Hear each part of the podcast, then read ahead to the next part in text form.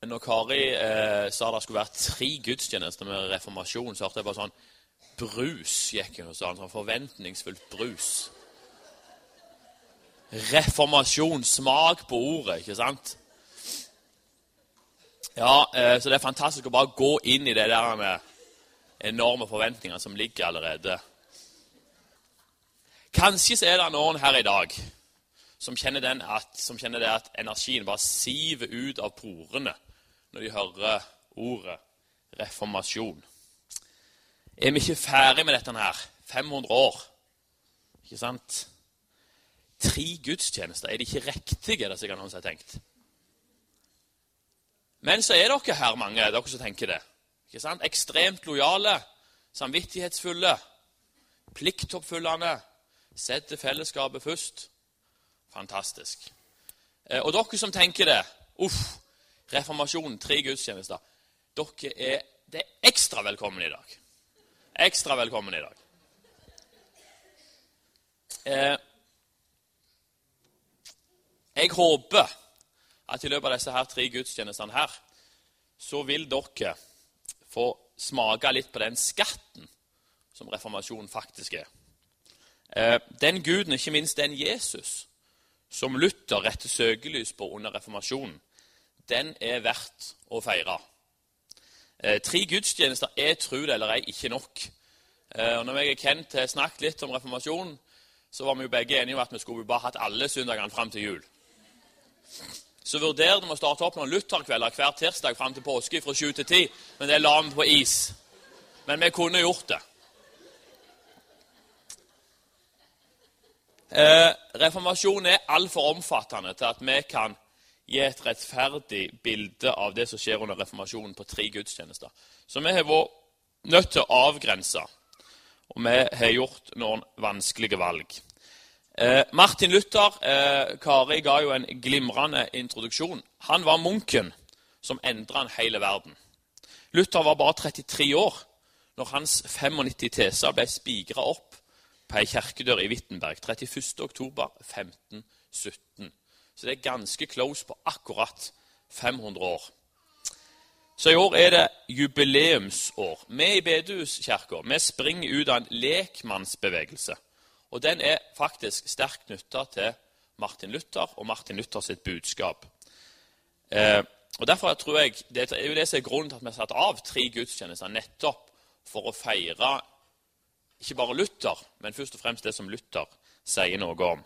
Eh, i forkant av denne her gudstjenesten her, eh, så har der, eh, iallfall jeg fulgt en debatt på Facebook.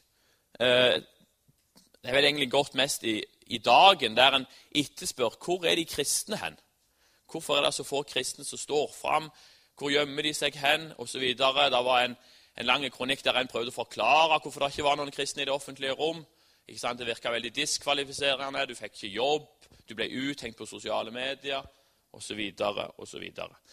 Inn i den settingen så er det utrolig interessant med Martin Luther. For Martin Luther eh, han skylder ikke på noen ting. Han er ikke redd for å eh, miste status og posisjon. Martin Luther han er en som våger å stå alene når alle andre er mot. Eh, og det er litt interessant eh, inn i den situasjonen som vi befinner oss i nå. Eh, vi lever i en sånn eh, postmodernistisk verden der det er veldig mange spørsmål og veldig få svar. Mye kritisk tenkning, mye dekonstruksjon av ulike sannheter. Men det er veldig få som gir oss svar på noe. Chesterton han sier det. Eh, This is not a time for more questions. What we need is answers. Eh, og det er jo akkurat det som er Luther eh, sin styrke. Han stiller ikke bare spørsmål, han gir også svar. Eh, og Det er jo det som katekismen av Luther er bygd på. Det er jo faktisk spørsmål og svar. Og Kanskje lever vi i ei tid nå som trenger svar mer enn noensinne. Meg og Olene fikk gratisbilletter til, på en sånn taterforestilling. Jeg syns det er litt sånn sossete å gå på teater i utgangspunktet, men vi fikk gratisbilletter, og da kan vi gå. Og da, da skulle vi se En folkefiende av, eh, av Henrik Ibsen. Den siste replikken i stykket den er sånn Saken er den, ser dere, at den sterkeste mann i verden, det er han som står mest alene. Luther han var en som vågde å være en folkefiende. Han var en som vågte å stå imot den kompakte majoritet, som Ibsen kaller det. Og kanskje trenger vi òg det mer enn noensinne i dag. Folk som er villige til å være folkefiender fordi at de tror på noe som er større. Eh, det spørsmålet som Luther strevde mest med, og det som er utgangspunktet for gudstjenesten i dag, det er finnes det en nådig Gud? spørsmålstegn. Det spørsmålet driver Luther nærmest til vanvidd. Og det er det som Kent skal si noe videre om i dag. Men før Nå ser jeg Kent han, han reiser seg allerede.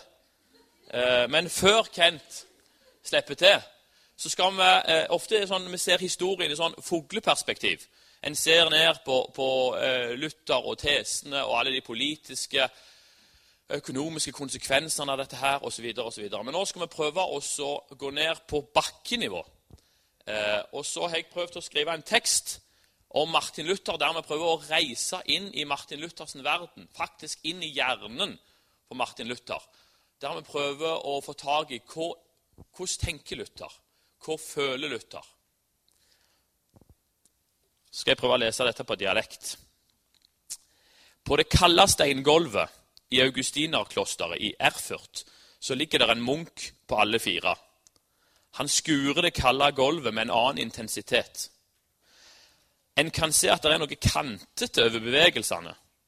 De er iherdige og rykkete. Knokene er hvite fordi han holder så hardt rundt skurekosten. Svetten drypper ifra pannen. Det er ikke bare pga. den fysiske anstrengelsen. Martin preges av en indre uro. Angsten er noen ganger nesten ikke til å holde ut. Kanskje skulle han ha blitt jurist allikevel, tenker han, der han ligger med skurekosten. Han husker ennå faren sitt raseri når han fortalte at han ville gi opp jusstudiene for å slutte seg til augustinerorden. Alt hadde vært så mye lettere som student i Erfurt. Noen ganger savna han studiekameratene og friheten som han nøyd inne i byen. De første månedene i klosteret hadde vært fredfulle. Han hadde vært særdeles pliktoppfyllende og tok de strenge klosterreglene svært alvorlig. I klosterbiblioteket hadde han for første gang holdt komplett, et komplett eksemplar av Bibelen i hendene. Han leste Bibelen med stor iver. Han fikk raskt et rykte som en hengiven munk. Litt for hengiven, mente mange. Han fasta lenger enn det som var foreskrevet. Han granska seg sjøl med en grundighet som overgikk alle. En gang hadde Martin bekjent synde seks timer i strekk. Det gikk så langt at skriftefedrene ga Martin milde irettesettelse. Han bekjente synde som skriftefedrene knapt nok kunne regne for synde. For Luther var dette imidlertid helt avgjørende. Han måtte være sikker på at han levde i nådestanden. Hata ikke Gud all synd, uansett hvor små, små eller store de var. Sto ikke nettopp syndene i veien for håpet om å bli frelst? Hva syns Gud om han? Spørsmålet dirra i hodet hans ifra morgen til kveld. Ordene ifra hebreerbrevet dundra gjennom hodet. Fortsetter, fortsetter vi å synde med vitende og vilje etter at vi har lært sannheten å kjenne, da finnes det ikke lenger noe offer for synder. Forferdelig er det vi da har i vente. Dommen, Guds brennende iver, skal fortære dem som står ham imot. Jesus sin bror Jakob hadde jo sagt det rett ut. Ei tru uten gjerninger er ei død tru. Skylda var knapp til å holde ut. Hvorfor hadde Gud gjort det umulig? Hvorfor krever du det umulige? Jeg hater deg! Martin kraup sammen i smerte og fortvilelse. Hvor var det han hadde brølt? Hadde noen hørt han? To noviser så forskrekka på han. Men fader Staupitz vifta de vekk. Kom, Martin, vi må snakke sammen. Jeg er så redd. Er jeg utvalgt til fortapelse og evig pine, Johan? Johan von Staupitz så på den iherdige munken med medfølelse. Det var ikke første gangen de snakket i enerom, og temaet var alltid det samme. På en måte skulle Johan ønsket at flere var sånn som Martin. Denne gudsfrykten, oppriktigheten, den sterke streben etter hellighet. Kirka som han var en del av, var etter hans mening i ferd med å smuldre opp under føttene hans. Biskoper hadde elskerinne nærmest i offentligheten. Munker gikk til prostituerte. Embeter ble kjøpt for penger. Paven sjøl ligna mer på en general enn på Guds stedfortreder. Kirka, som egentlig skulle være ei trøst for de fattige enkene, de farløse, utnytta de nå på det groveste. Han fikk nesten frysninger når han tenkte på Tetzel og avlatshandelen som finansierte bygningen av den store, storslåtte Peterskirka. Du må tenke på Kristi, Kristi sår, Martin. Hold deg til Jesus. Faderens hemmelige råd kjenner ingen. Den sanne bot, Martin, begynner med kjærlighet til Gud. Når hjertet får øye på Guds kjærlighet i Kristus, da vekkes gjenkjærligheten til Han. Martin tusler ut av rommet litt lettere til sinns. Hadde det ikke vært for Johan von Staupitz, hadde klosterlivet vært uutholdelig. Mens han gikk mot skurekosten, visste han samtidig at trøsten Johan hadde gitt han, var begrensa. Han kunne ikke slå seg til ro med generalvikaren sitt svar. Følelsen av mangel ville melde seg. Hvorfor kunne han ikke merke den sanne og ekte Guds kjærlighet i sitt hjerte? Staupitz hadde ikke gitt ham det han lengta etter vissheten om å være frelst. Vissheten om at nettopp han var elska, at han var et Guds barn. Han var nå overbevist om at han hadde gjort sitt ytterste. Han kunne ikke klare å leve frommere. Alle hans anstrengelser var ikke i nærheten av å nå Guds krav. Hvorfor hater Gud han? Hvorfor var Gud så vred? Hans egen far, Hans, framsto for Luther noen ganger som milde sammenlignet med den allmektige. Fins det en nådig Gud? Hvor i all verden finnes den barmhjertige faren som tar imot den barmhjertige sønnen? Martin gikk med faste skritt mot biblioteket. Det må finnes svar. Måtte Gud vise han dem. Det er ikke bare munkene som var redde Gud på den tida. Heller ikke bare de vanlige kristne eller disipler. jeg kaller det for. Ikke bare de heller. Og ikke bare eh, kirka, men folket. De vanlige folka på den tida var redde Gud. Livredde Gud. Som de har vært i store deler av historien, og er mange plasser i verden. Og hvis du begynner å bli i begynnelsen av Bibelen, fra første boka ut, så er folk livredde Gud. Adam og Eva skvetter og gjemmer seg når Gud spør hvor de er. hva de holder på med. Klær seg, gjemmer seg. Israelsfolk gjemmer seg, tårer ikke, er livredde. Dette er helt normalt. Hele historien. Og de som ikke er redde, de går det fryktelig galt med. Det er hundretusenvis av folk som dør i Bibelen pga. at de ikke frykter Gud. Kom en engel, dreper 180 000, bang, i en krig. For de, stod, de har ikke respekt for Israels folket sin gud. Noah, alle på hans tid. Folk tar på noe de ikke skal ta på. Folk går inn en plass de ikke skulle gått inn. Folk sier noe de ikke skulle ha sagt. Ikke bare i Gamle testamentet, men også i Nytestamentet. I apostelgjerningene sitter det en konge, og de begynner å tilbe ham. Folk er liksom, han, han får Guds plass, og han syns det er bra. Han tar den plassen. Bang! Gud slår han død. Ananias og Safira, den første menigheten, lever som Ulene eh, forteller. Men det er ikke bare bare. For de kom inn og sier at vi har solgt alt. Vi er kjempefromme. Vi er på bedehuskirkenivå. Det er bare sånn, Vi har alt, og vi lever i fellesskapet. Og så har de ikke det. Ingen tvingte de til å selge alt. De kunne bestemme sjøl. Men de, de, de solgte, og så lå det litt i lommen, og så har vi gitt alt til fellesskapet. Så løy de. Bang, så dør han. Bang, så dør kona. Så det er, ingen, det, det er ikke sjokkerende at Martin Luthers spørsmål er «Finnes det nådig Gud. Det er et på, på sin plass, som mange sliter med oppi historien. For Gud hater synd. Og hvordan i all verden kan en rettferdig Gud tilgi oss? Hvordan kan han bare si at ok, du har synda, men nå, nå, nå er vi ferdige med det? Nå kan du komme inn i mitt fellesskap. Den perfekte, hellige guden, rettferdige guden. Hvordan går det an?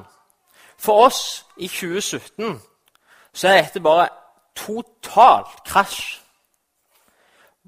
Det er ingen av oss, veldig få iallfall, veldig få munker, hvis det finnes det i Norge, veldig få i kirka, og iallfall veldig få i samfunnet, som sier går det, an å ha kontakt med Gud? Fins Gud?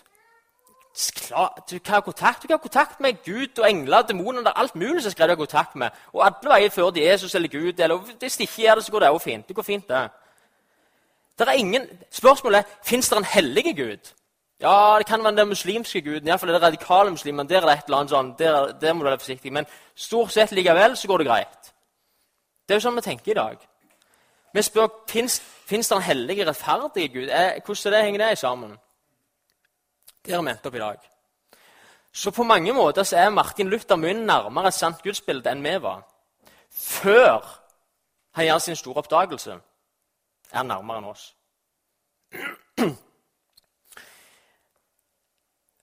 Men han, han kommer jo ingen vei. Altså, han, han, er jo bare stuck. Det er sånn, ok, det, Gud er hellige, jeg er ikke. Det, det, det nytter ikke. Han, han, prøver alt han kan, men det går ikke. Så det, det er jo ingen vei i dette. Hvis vi, går, hvis vi, går, den veien, så er det sånn I verste fall så gjør vi en veldig god jobb. Som pliktoppfyllende gode, eh, litt eh, selvbeherskelse, disipler som er litt hardcore ekstra, gir litt gass, og får det godt til. Og hvis vi gjør det, så gjør det oss bare sjølrettferdige. Og det er det verste giftet som finnes. Så hvis du får det til, så er det forferdelig. Hvis du ikke får det til, så er jo forferdelig. For da blir du bare deprimert. Det, det går ikke an å leve dette disippellivet. Det er umulig. Det er det vi sitter igjen med mange.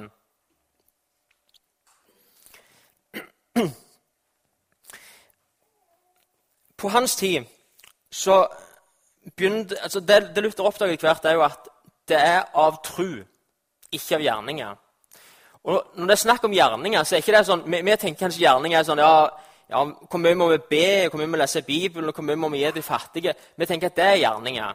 Og det kan det fort bli. Men, men det, er, det, er, mer sånn naturlig handling for en disippel. Det er ikke noe lovgjerning i å be. det er bare vi, vi, kan få snakke med Gud. Det er jo fantastisk. Og selvfølgelig må vi gjøre det. Det er jo en sånn, det er ikke noen plikt. det. Her snakker vi om å krype på knærne opp ei steintrapp opp til et stort Eh, opp til den der skattetrappa i Rom. De, de, ligger på, på knærne. De, de, de, altså, de kjøper eh, beinbeder, for det stammer fra Paulus sitt skjelett. De kjøper trefliser, for det stammer fra Jesus sitt kors. Så viser seg at de har solgt så mye at de må, må ha hele regnesko for å selge det. Det, det kan ikke være korset det kommer ifra. Men sånne ting gjør at da er du litt mer sikker på å være en fører. Og så er dette koblet sammen med makt, penger, korrupsjon og alt slags greier her. Sånn at de finansierer ved kirka med at folk går og betaler dette her. Men alle folka, uten de som ikke har noen respekt for Gud Det er ikke så mange av deg på den tida. Men alle gjør et eller annet av dette. Og de fleste finner jo et minimum. Hvor mye må jeg gjøre for å likevel være en føre? Jeg kan kjøpe, jeg kjøpe noen gram med, med fliser og noen gram med bein og klatre litt her og bekjenne litt synde her. og gå på dette der messa som jeg ikke forstår noen ting av på latin, jeg gjør sånn og sånn, da er det godt nok. Det er minimum. Og det gjør folk i dag òg. Det er veldig viktig å gå i kirka på jul. Holde de ti bud. Ikke røyke, kanskje. Ikke drikke, eller det er vel, det er vel lov nå, men ikke drikke for mye iallfall. Eh, så vi forandrer litt på dette. Hva som er lov og ikke lov. Og så er det innført, da er det greit. Da er det godkjent. Det er en stor masse som lever i det. Og så er det oss, mange her i salen, som er litt mer sånn Nei, vi må gi litt gass. Og så prøver vi å leve litt mer radikalt og prøver å leve litt overgitt. Og så finner vi ut i den stunden at vi klarer det bare ikke. Det funker ikke. Og ganske mange som har vært i fellesskapet vårt, er ikke her lenger. Det er ganske mange som har snudd ryggen til Jesus. Er vi klar over det? Og Begrunnelsen er ofte Og det, det jeg har snakket med dem etterpå de sier, jeg har aldri følt meg så fri som jeg er nå. Det er bare fantastisk å slippe det der. Nå er livet godt. Nå slapper jeg av. Nå er det fint.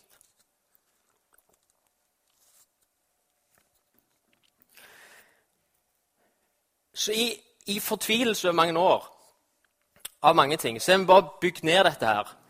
Jesus' krav var ikke så store, disippellivet er ikke så hardt. Vi prøver å lage en eller annen sånn Hvis vi bare vi kan gå i, vi går i huskirke, iallfall det er viktig. For vi går på gudstjenesten og være med på et av sånne bønnemøtene. Vi klarer ikke hver gang eller en gang i uka, men kanskje en gang innom der som viser at vi er litt inne i bønn. Og litt inn i et eller annet annet greie, møte opp, krysse av, melde på, kjøpe kristenbok, litt sånne ting. Stamfeiringa. Da er min føre. Da henger vi iallfall med på et vis. Så kan det være at det er veldig kjekt at vi får noen gode stjerner, og folk ser at disse er ganske bra på skalaen. Og så blir vi litt sjølrettferdige, eller så går det dårlig, så blir vi deprimerte. Dette var hardt, det funker ikke helt. Sånn på sånn. Men så dukker det opp noen folk imellom. Så bare, det, det ser ut som noen bare har skrudd på en sånn en vannhydrant inni dem, på maks. Og så er de ikke skrudd av igjen. Så bare står den her på fullt. Så er de bare helt sånn Hva er det med disse folka? Hva er det som har skjedd? Det er lite spektakulært, det som har skjedd. Vi, vi leter jo etter at kanskje hvis vi får, får hørt den forkynneren eller den undervisninga på YouTube eller på en eller annen menighet, eller vi får tak i den rette boka eller den rette ideen om et eller annet greie, og får, bli bedt av de rette folka eller hørt den beste lov, et eller annet greie, så vil et eller annet løsne inni oss. Så tror jeg at er, her finnes det et eller annet mysterium. Under og tegn, alle, inkludert å vekke opp døde til liv. Alt er veldig smått kontra det underet det er at Gud tar et menneske som er for, i fordervelse fullt av synd og ingen del i Guds herlighet. Så tar han det mennesket, føder på ny, adopterer inn i sin familie, du får en ny bror, storebror Jesus, du får en ny far, Gud sjøl, og du blir til slutt gift med hans sønn. Det underet Det er ingenting vi kan erfare seg i nærheten av det. Men det kan skje helt under radaren, og det gjør det ofte. Men ofte skjer det ikke. Ofte begynner folk i ei huskirke Ofte har folk gått på et møte og retter opp ei hånd. Vi slutter rett på møte, vi retter opp hvem som vil være med i huskirka. Så mellom oss på der er. Eller et eller annet annet. Trenger ikke være huskirke heller. Det kan være noe bønnemøte eller fellesskap. Eller et eller annet. Bare du møter Gud til den erfaringen av Gud. Mange har en erfaring av Gud. Men det er ikke der mysteriet skjer. Så folk går i mange, mange år ifra de har blitt kristne, tatt en bestemmelse eller kommet til tro eller følge Jesus, et eller annet greie, så går de i mange mange år uten tegn til en vannhydrant på maks inni seg. De bare henger med over lang tid. Så detter de fra, eller så skjer det sånn som Lene forteller om. Sånne ting skjer med folkene imellom. Ofte etter ganske mange år. Og hva er det som skjer? Hva er det første, første trinnet på å bli født på ny, hva er det første tingen som skjer? Omvendelse. Hva er det Jesus forkynner? Omvend dere og tro. Hva er det apostlene forkynner? Omvend dere. Dere har drept Jesus, sier apostlene etter han, han reiste til himmelen. Står frem og sier dere tok livet av Jesus. Det er deres feil. Nå må dere omvende dere for denne synda. Og så stakk de i hjertet. Så spør de hva skal vi gjøre brødre, for å bli frelst. Ja, nå skal vi høre. De prøver ikke å selge noe. De bare konfronterer og sier 'omvend deg'. Og så får Gud virke. Så får Gud begynne å føde et liv på ny. Og Det går an å hoppe over omvendelse. Og da mener jeg ikke at det, det er ikke noen forandring, at vi bare lever syndig liv og fortsetter med det. Men vi kan, vi kan slutte med hundrevis av synder, bare ikke den ene som jeg liker best. Det er det problemet er. Så når han rike mannen kommer til Jesus og sier 'Hva skal jeg gjøre for å arve evig liv?' sier sånn Nei, du er du vet jo hva det står i Toraen. Du skal ikke andre guder enn meg, du skal ære mor og far. Ramse alle ting jeg skal gjøre. Men det, jeg har gjort alt dette for liten av. Så sier Jesus plutselig Selg alt du har, gi til de fattige. Det er et bråstopp. Da snur han seg og går, og Jesus står igjen, og det, han får vondt inni seg. Han har ikke en plan B. Det ah, men det, det, begynner gradvis. Du begynner å gi litt mer, eller så til slutt så får du bare lyst til å gi vekk pengene dine. Det er ikke det han sier. For det er der, det er der hjertet hans henger fast i synda. Og det er der han må velge å slippe det og snu seg rundt. Og så kan Jesus begynne gjennom med ham. Så første, det første trinnet, første skrittet i den fødselsprosessen, er omvendelse, som hviler ganske mye på oss. Nå, nå, tenker vi en gang med en gang begynner å gå denne veien, så er det sånn ok, Så jeg må fikse det sjøl. Er det ikke Jesus som skal gjøre noe med meg? Er det jeg som skal fikse dette? Jo, he, hele veien fra startstreken helt til målet Jesus er med deg. Han virker deg til ville og virker faktisk klare å gjøre det til hans gode behag. Men han, han, kommer ikke til å tvinge deg. Så når vi står fast i synda her, så kommer ikke han til å ta vekk syndene og tvinge oss rundt og så se oss i gang. Det gjør ikke han. For vi velger om vi vil respondere på det løpet han har lagt klar for oss. Den veien han åpner opp. Det velger vi om vi vil respondere på eller ikke. og vi får lov til det. Og det vi gjør, er ikke å klare å slutte med alle syndene. Men det er å slippe dem ut i lyset, bekjenne dem, ta telefonen, ordne opp i ting. Slippe det og si 'dette vil jeg ikke gjøre'. Snu oss rundt og si 'Jesus, jeg vil gjøre det du vil jeg skal gjøre'. Så vet vi jo at dag to så er det jo på'n igjen med alle slags ting. Men hvis vi ikke har vist i ord og handling at vi slipper den synda ifra oss, så kommer det ikke til å skje. Så er det en mann i dette rommet som preger ganske mange av oss etter hvert. Som, som bare Der den vannhydranten har stått på på maks ganske lenge nå. Og så det, det er bare helt overveldende. Og så er det sånn ja, ja, men alle er ikke sånn som Børge. Nei, nei, alle er ikke sånn som Børge. Mange her inne burde erfart mer enn Børge. Og mange kommer til å gjøre det. Det er ikke Jesus Paulus Børge. Han har bare sett litt mer akkurat nå og erfart litt mer. Vi skal erfare mer enn han, mange av oss. Men hva er det som er spesielt? Hadde han funnet en ny bok eller reist en eller annen ny menighet, eller plutselig så bare skjedde det et eller annet fantastisk? Synda kommer ut i lyset, blir bekjent, og han blir fri. Bang! Der smeller det. Så vanvittig. Og Det er det som skjer igjen og igjen. Der må det begynne. Og Det går an å leve som all slags definisjon av kristen og holde fast på et eller annet inni seg. Og da, da, Det funker bare ikke. Ikke engang Gud kan fikse det. Han kommer til å kalle, han kommer til å dra, han kommer til å lokke, han kommer til å overbevise, han kommer til å skremme deg. Han kommer til å gjøre alt han kan, for han vil ikke du skal være fast i det. Alt han kan, kommer han til å gjøre, unntatt å tvinge deg.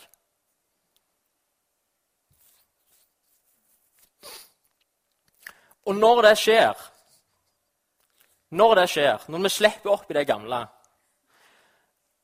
og lever i tru Gud sier hva vi skal gjøre, bank på ei dør, og så gjør vi det. Gud sier selg dette, gi dette, reis her, bu her, sånn og sånn. Så gjør vi det. Så lever vi i tru. Alt det gamle blir rensa vekk, tatt vekk, og vi får Den hellige ånd. Så er livet fortsatt vanskelig og hardt, og det er krevende og utfordrende. det er sånn, åh, dette reiv, og Jeg klarer ikke dette, jeg er slet, jeg har prøvd så lenge å få det til. og sånn og sånn, Jeg vil, mer, vil be mer, jeg vil søke Gud mer. og Jeg har snakket om dette i 10 år, nå i 15 år. det er sånn, Alle slags ting er vanskelig. Hvem blir syk, hvem er der forfølgelse? Jarle snakket litt om at hvor hva er de kristne Det er jo sånn at hvis du sier en del ting, så er det en del plasser der du bare er sånn ok, Det er ikke, en, det er ikke godt av på CV-en. Mange sånne ting. Og så er det kjedelig, så er det vanskelig, så er det vondt. Men under der, bunnen under der, er at vannhydranten står på. Så det er sånn Hvordan går det? Så kan du egentlig alltid svare ah, Nei, det er hardt. Eller så er det sånn det er fantastisk. Jeg lever. Men egentlig er det dritkjedelig, hardt, det er vondt og vanskelig. Jeg er lei og trist. og alt det der. Men på bunnen er det godt. På bunnen er det godt. Det er derfor Paulus og det her folk som blir forfulgt, sier at jeg fryder meg og gleder meg når jeg blir forfulgt. Det er sånn, jo, de gjør faktisk det. For det er på bunnen er det liv med Gud, fred med Gud, glede. Og da funker alt det andre. Selv om det ikke funker, så er det greit. Og det er bare forbigående uansett. For om en stund så kommer Jesus igjen, og da blir dette snudd opp ned på.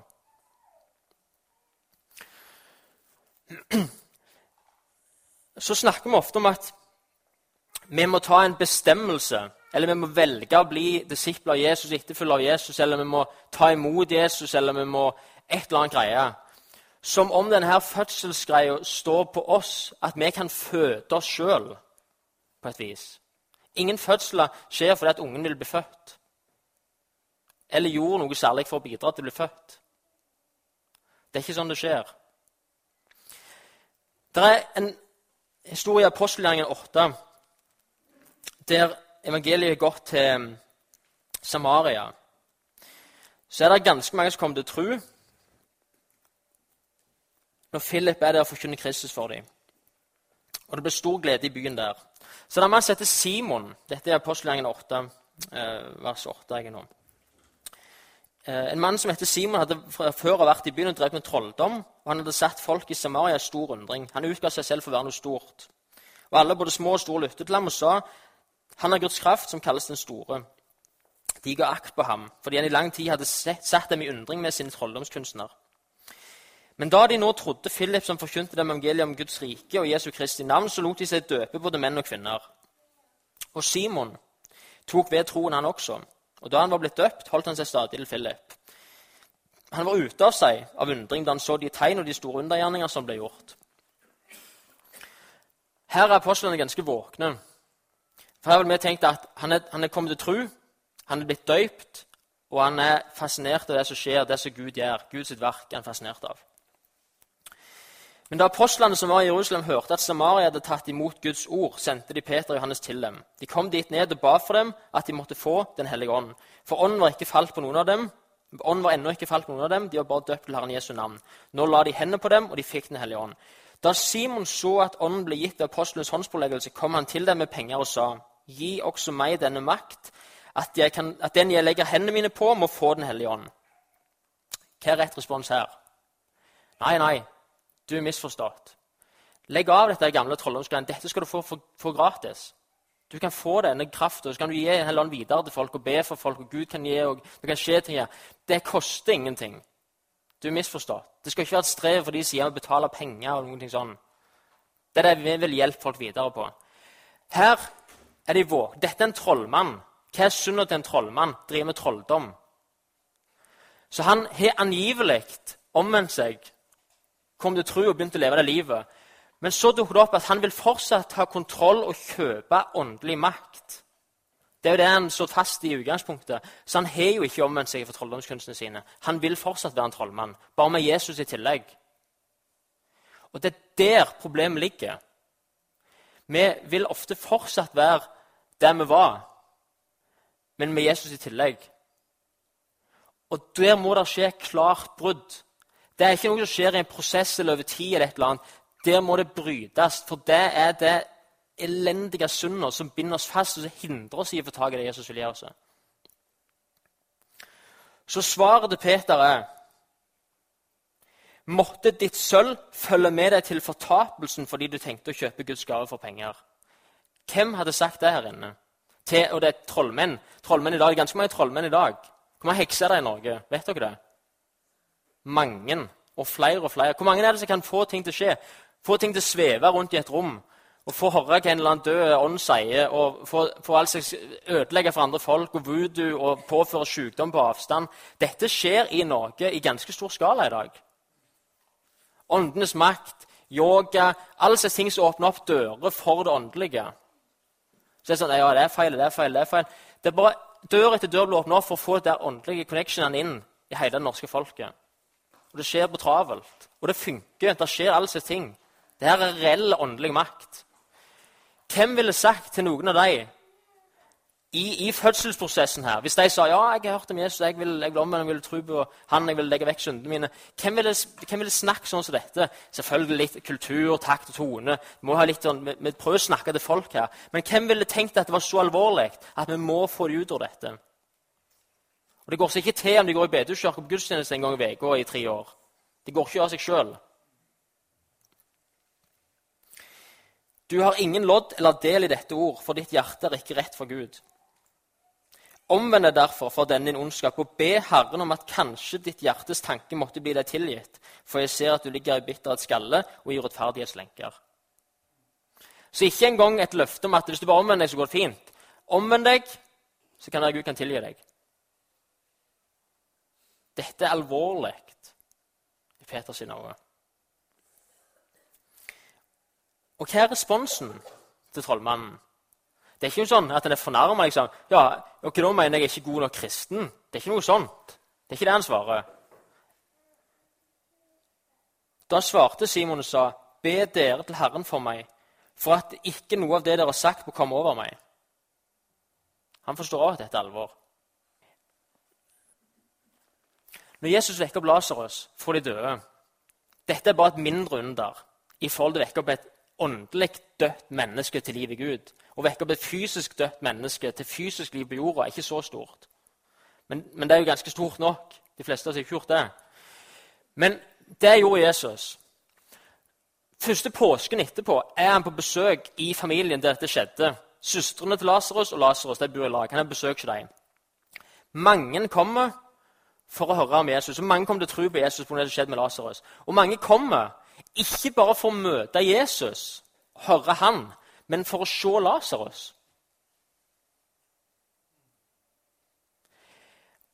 Og fariseerne og de skriftlærde ser hvilken vei dette går. Så de har jo lenge planlagt å drepe Jesus. Nå planlegger de å drepe Lasarus. Sånn at han ikke skal dra folk til Jesus, så de får høre han og komme til liv.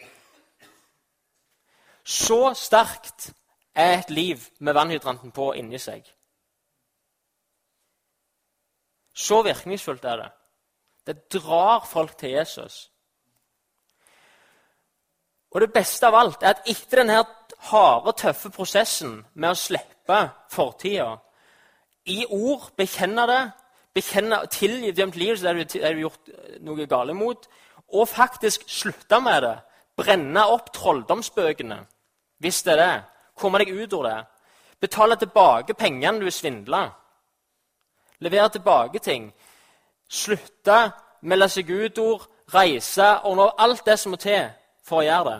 Etter du har gjort det og snudd deg rundt, og du får bli fulgt av Du, du erfarer ikke trua, du blir rensa ren fra alle de gamle syndene dine, og du får Den hellige ånd. Så blir alt det vanskelige og utfordrende blir helt annerledes enn det det er hvis du fortsetter å holde en ting med i dette her greia.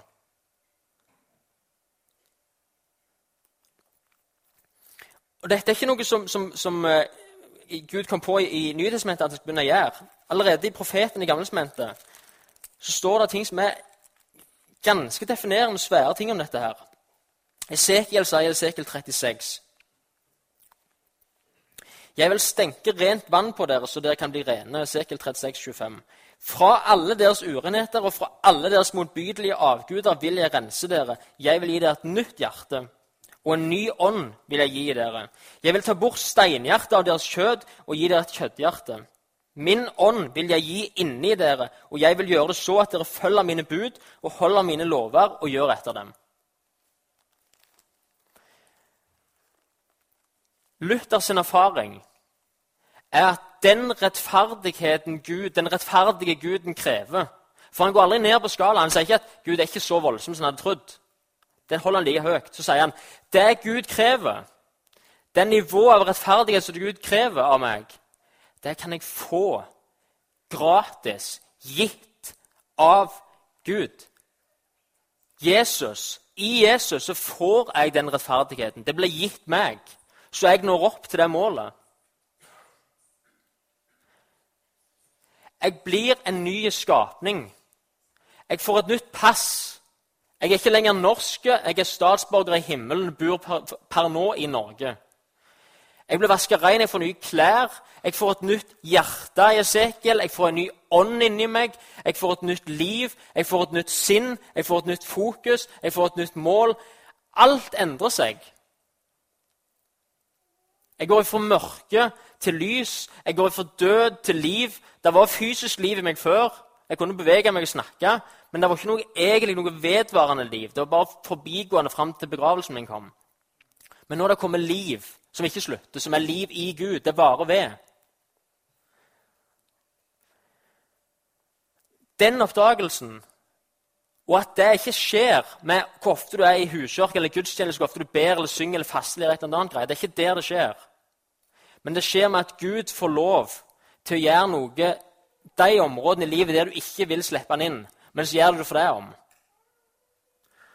Da starter det. Da starter eventyret. Og så begynner det. Og så skjer det all slags ting. Sånn er livet med Gud. Så når folk spør når folk, ja, 'Jeg hørte du var kristen', eller 'Du er en, går i en eller annen sånn, er du kirke', eller noe, ja, 'Du er vel eh, religiøs litt', eller et eller annet sånt, så må vi ikke begynne å snakke om hvem vi er på gudstjenesten. For det betyr ingenting. Det er ingen som blir frelst av om det, er god lovsang eller dårlig lovsang. når han som står her fremme snakker bra eller dårlig. Det hjelper ingenting. Selvfølgelig kan alt hjelpe folk inn på veien mot Jesus. Alt kan hjelpe, Men det er ikke det som er greia. Vi må ikke fortelle folk om, om, om hva vi har lest i Bibelen i det siste, eller hva, er, hva vi har erfart, eller at noen ble helbreda, eller om de vil bli helbreda. Alt det òg kan selvfølgelig hjelpe.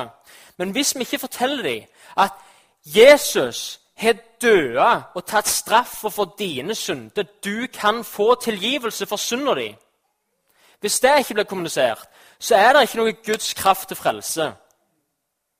Og Da kommer de inn i fellesskap, begynner å bli kristne og gjør disse gode ting. Og så må de òg leve i ti år og reise med en DTS eller reise til Afrika eller en annen plass med reise, eller reise til e-mail, høre en tale eller konferanse eller plutselig en dag. eller Det skjer på forskjellige måter.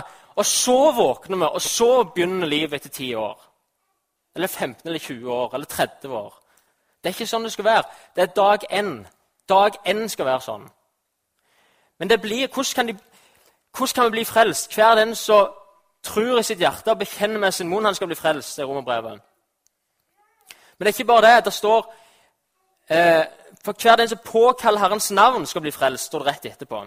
Og Da er ikke påkallelse som i Jesus, hvis du fins, så vil jeg tro på deg, og jeg stoler på deg. Amen. Nå er jeg kristen.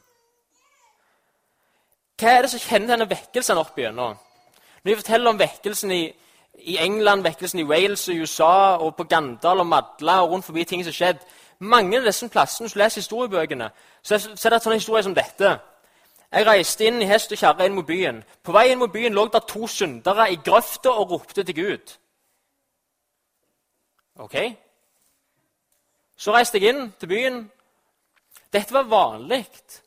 Syndere de, de, hadde gudsfrykten i seg, og de visste at de ikke, hadde ikke rett med Gud. Så når ting begynte å skje, Gud begynte å gjøre, få tak i, i, i menigheten, sende dem ut og, og vekke dem opp, så begynner de å kalle på synderne.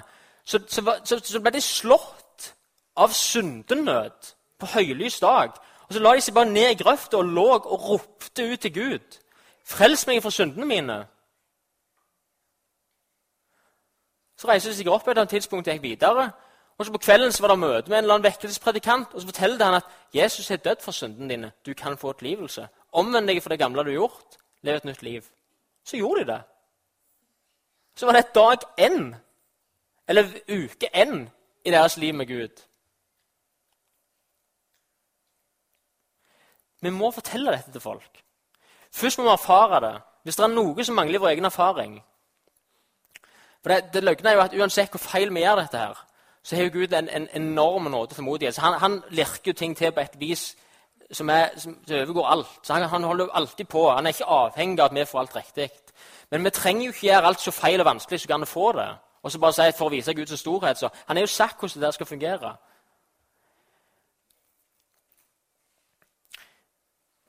Dette må vi fortelle til folk. Vi erfarer erfare sjøl at vi har fått syndene tilgitt og hele den prosessen der. Og da begynner det bare å boble fra innsida ut. Og så kan vi fortelle dette til folk. Selvfølgelig kan vi fortelle om vi går på gudstjeneste eller hva alt greier vi gjør.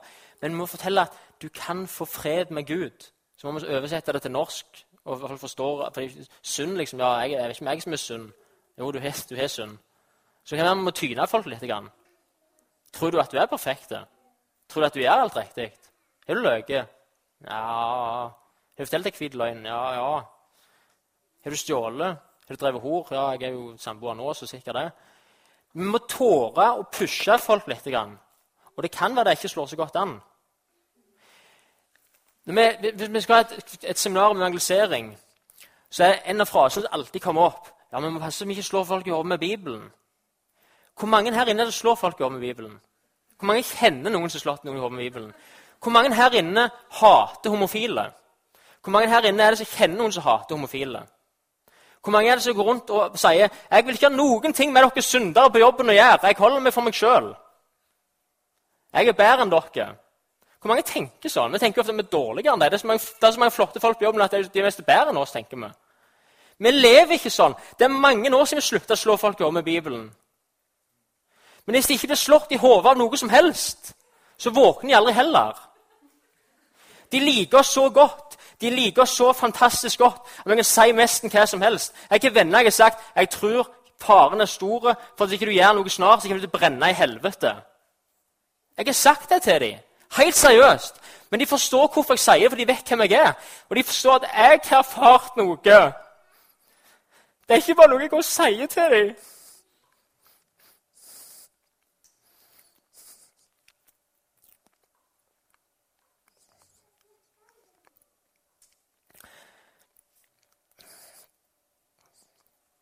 De har forstått at jeg er kjent med egen synd. Den jeg blir tilgitt. Det er derfor det er så viktig.